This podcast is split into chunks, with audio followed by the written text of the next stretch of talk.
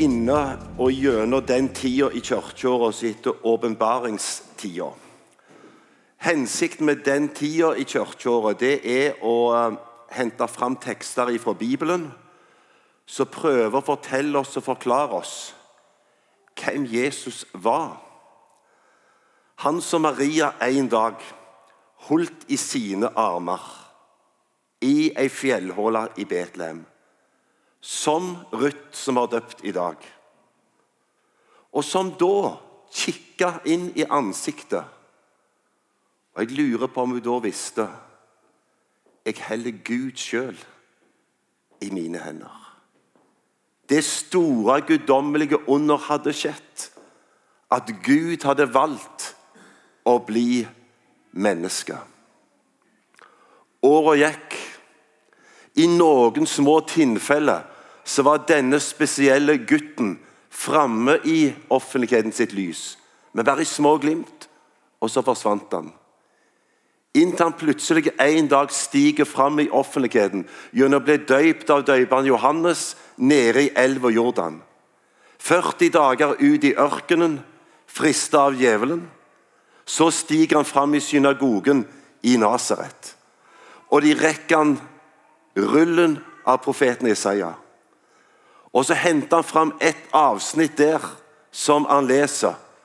Så ber jeg bud om at nå er noe spesielt i ferd med å skje i relasjonen mellom himmel og jord, Gud og menneske. Johannes-evangeliet er helt spesielt i forhold til de andre evangeliene. På den måten at gjennom dette evangeliet så prøver Johannes på en helt annen måte enn alle andre og fortelle si samtid at han som nå gikk i Israel i full offentlighet, så talte spesielle ord, gjorde gjerninger som ikke andre kunne gjøre. Møtte mennesker, spesielt syndere, de utstøtte, de som hadde falt utenfor, på en slik en måte at det står i vår bibel at alle tollere og syndere holdt seg ned til Jesus. Han var nærmest som fluepapir på flåga. De ble sugd inn til han fordi i handling og i ord så møtte han dem på en helt annen måte enn den religiøse elite på den tid. I de åra, i den tjenesten, så er det at Jesus han presenterer seg på en komprimert måte. Ikke én gang, ikke to, men sju. Egentlig åtte ganger. Og Hvis du hadde fått utfordringen akkurat nå, ukjent i denne forsamlingen, komme fram ifra der du satt, stille deg her som jeg står, og presentere deg for forsamlingen Hvor mange ord ville du trengt for at de som hørte på, fikk et visst omriss av hvem du var? Hadde du klart deg med to ord? Neppe. Men Jesus han trengte bare to ord med sju-åtte anledninger og Det vakte en slik reaksjon. og Nå skal vi lese sammen. Og Vi skal lese fra Johannes kapittel 8. Så skal vi zoome litt ut etterpå, så du får litt mer kjennskap til dette. Fra vers 54 Johannes 8. Jesus svarte, Der som jeg ærer meg selv, da er min ære ingenting. Det er min far som ærer meg, han som dere sier er deres Gud. Dere kjenner han ikke, men jeg kjenner han. Dersom jeg sier at jeg ikke kjenner Han, da blir jeg en løgner som dere. Men jeg kjenner Han og holder fast på Hans ord. Abraham, deres far, frydet seg til å se min dag, og han så den og gledet seg. Judeerne sa da til han, du er ennå ikke 50 år og har sett Abraham. Jesus sa til dem, sannelig, sannelig, sier jeg dere, 'Jeg er' før Abraham ble til. De tok da opp steiner for å kaste på ham, men Jesus skjulte seg og gikk ut av tempelet. Hvis vi zoomer litt ut nå ifra det som vi leste nå, tatt ut av en stor sammenheng, så er det egentlig et avsnitt i Johannesevangeliet fra kapittel 7 og vers 1 til kapittel 10 og ut i vers 40 eller noe der, så henger i sammenheng i én stor handling, bare avbrutt av noen timer med søvn. Jødene har feira sin siste åndelige høytid, løvhyttefesten. Det var den festen som de feirte da feirer nå, til minne om at Gud frelste de ut fra slaveriet i Egypt. De bygger seg løvhytter og bor i dem. Gjennom den uka de feirte, så var hele tempelet, hele tempelforgården, kvinnene sin forgård, den var helt opplyst. Han var så opplyst, sier de, at i Jordan, eller Amman, hovedstaden i Jordan, 50 km vekke, så kunne de se, se lysskinn fra tempelet i Jerusalem. De tente lys, de tente lamper, og de tente fakler. Til minne om at når Gud ledet dem ut fra slaveriet i Egypt, gjennom ørkenen, så var han ei skystøtte om dagen og ei lysstøtte om natta. Og i den settingen der så er det at Jesus stiger fram, og så sier han følgende Og det er dagen etter at lyset er sløkt i tempelet, og høytida er over. Les det litt tidligere i Johannes 8. Så sier Jesus, litt i tussmørket, inni den store forgården Jeg er verdens lys. Mm. Ett av sju. Jeg er. Og det er i forlengelsen av det som skjedde der, at vi leste nå. For de religiøse jødene steilte formelig over at Jesus presenterte seg på den måten der at 'jeg er verdens lys'. Det var noe med den presentasjonen som gjorde at de ikke åpna opp livet sine, men tvert imot så henta de opp steiner og ville steinene ta livet av ham. Bare en parentes, Johannes 8 er jo et kapittel som handler om stein fra begynnelse til slutt. Bare se det. Du vet, Johannes 8 starta med at Jesus er inne i tempelforgården. Og så kommer de religiøse jødene med ei dame som var grepen i ekteskapsbrudd. Jesus, etter loven så skal denne dama steines. Hva sier du til dette? Så gir Jesus følgende. Han bøyer seg ned. Så skriver han med fingeren nede i støvet eller grusen der i tempelforgården. Jeg lurer på hva Jesus skrev der inne. Men etter han har skrevet, så sier han til de religiøse lederne som kom med og skulle steine Den som er rein, kast den første stein. Så bør han seg ned og skrive igjen. Og Når han er ferdig å skrive, reiser seg opp, så sier Jesus til ham Har ingen dømt deg? Nei, ingen. Og så sier han De gikk alle. Det eldste først. Dette er egentlig en tekst på mannsmøte, så damer dere kan slappe av. Men bare ta med som en liten parentes oss mannfolk. Hvorfor gikk de eldste først, og så lar vi det ligge der? Bare søkke inn. Det er noe å lære av det. Men hør. Første gang Jesus presenterer seg som 'Jeg er'. Det var etter at han hadde metta 5000 ute i ødemarka nord for Genesaretsjøen. Dagen etterpå så er han i synagogen i Kapernaum. Og så sier han dette 'Jeg er livets brød'. Og jødene strømte til ham, for de tenkte det er en ny Moses som er kommet. Det er slik en Moses som ga oss gratis mat 40 år i ørkenen. Selv om vi ble lei av både mann og vakler, så var det gratis mat. Og det liker sunnmøringer og jøder. Og noen karmøybuer. Gratis mat. Men Jesus sier dere misforstår. Dette er ikke en mat som handler om det som vi spiser for at legemet vårt skal fungere. Men det handler om en mat vi trenger for at vår relasjon til Gud skal være rett og god. La meg bare si følgende før vi går videre. Jesus er. Det er ikke slik i 2023 at Jesus er en historisk person blant mange som vi leser om en gang levde. Et kort og hektisk og spennende liv. Så dør han på en dramatisk måte, og så var det punktum, så gjør han ikke mer. Og så er det en historie med trøster våre barn og oss sjøl med kritiske situasjoner. Men det er egentlig bare en historisk person som har fått sitt punktum, i lag med mange andre store navn. Han er heller ingen eventyrfigur eller en illusjon. Bibelen sier før i middag 'Jeg er'. Jeg vet ikke om vi synger det lenger, men før så sang vi en enkel sang som sa 'Han er her'. Han er her for å møte deg og meg. Han er her. Og Vår bibel i åpenbaringstida forteller oss følgende at Jesus var Gud og ble menneske. Og Han var så mye menneske, sier Bibelen, at han er prøvd i alt, i likhet med oss. Bare smak på den.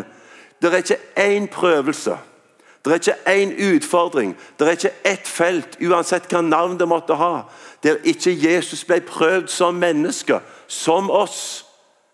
Vi blir prøvd på forskjellige områder, og ikke alltid består vi den eksamen. Men Bibelen sier han besto alle eksamener. Han som er i himmelen nå, og vi er her, han er prøvd i alt. Sant menneske, men òg han er sann Gud. Han er sann Gud. Han er den allmektige. Og han er nå. Han er her. Og så kunne vi nå gått igjennom. Jeg er livets brød. Jeg er verdens lys. Jeg er døren. Jeg er den gode hyrde. Jeg er oppstandelsen og livet. Jeg er veien, sannheten og livet og jeg er det sanne vintre. Det er de sju 'jeg er' som Jesus presenterte seg i og med.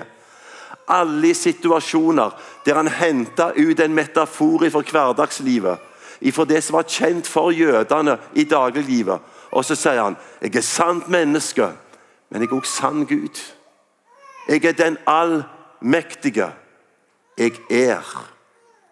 Og det er altså årsaken til at jødene i Johannes 8, som jeg leser, rasa imot ham. Hvorfor raste de imot det?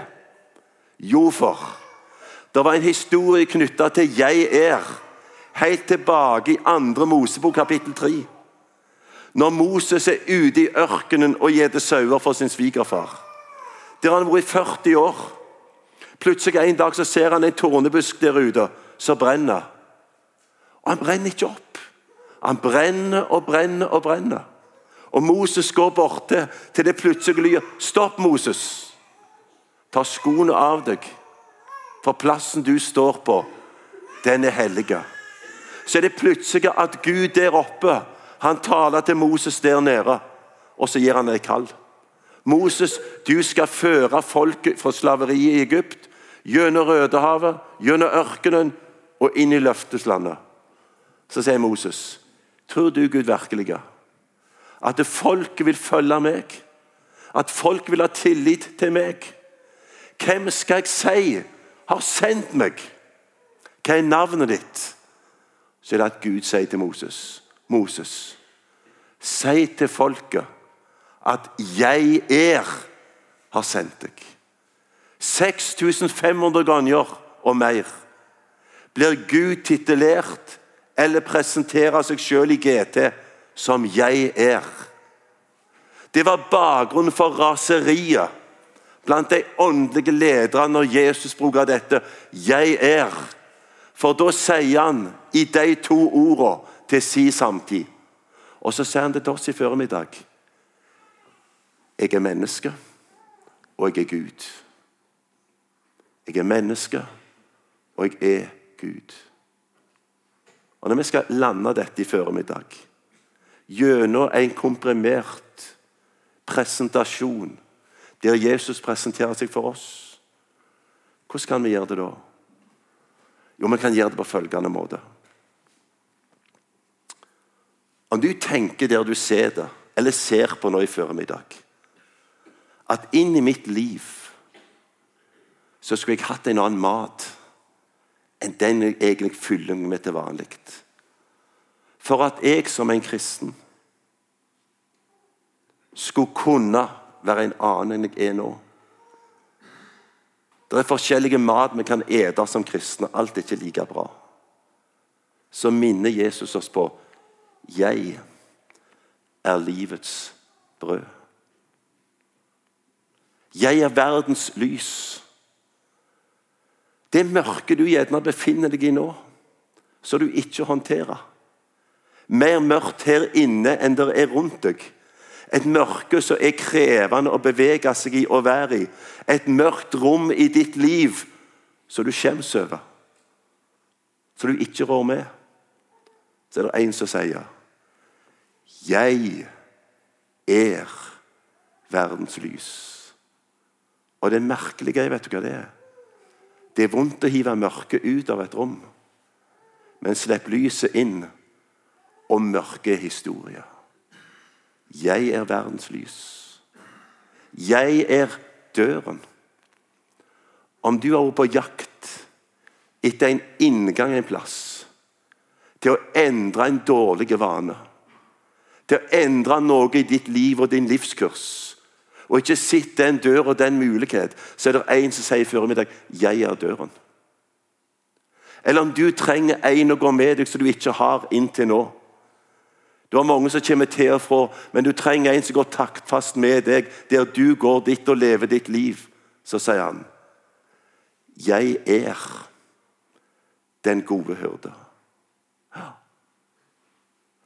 Det er så populært nå i forhold til matvarer holdbarhetsdato. På melk så står det holdbarhetsdato da og da. Så står det og god eller brukende etterpå. Jesus har ikke noe slikt. Jeg er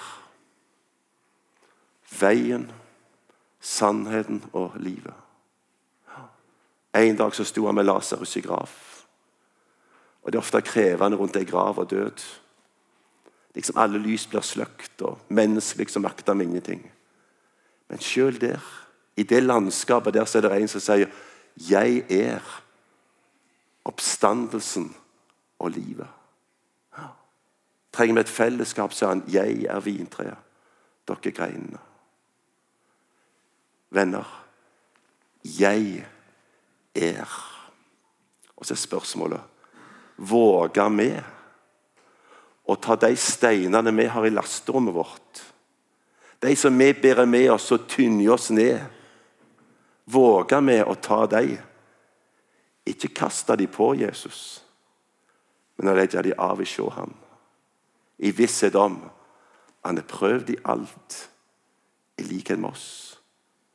Han vet hva du erfarer, hva du lever med og lever i, bedre enn noen. Så sier han jeg har prøvd å være menneske. Jeg er fortsatt menneske. Men jeg er òg Gud den allmektige.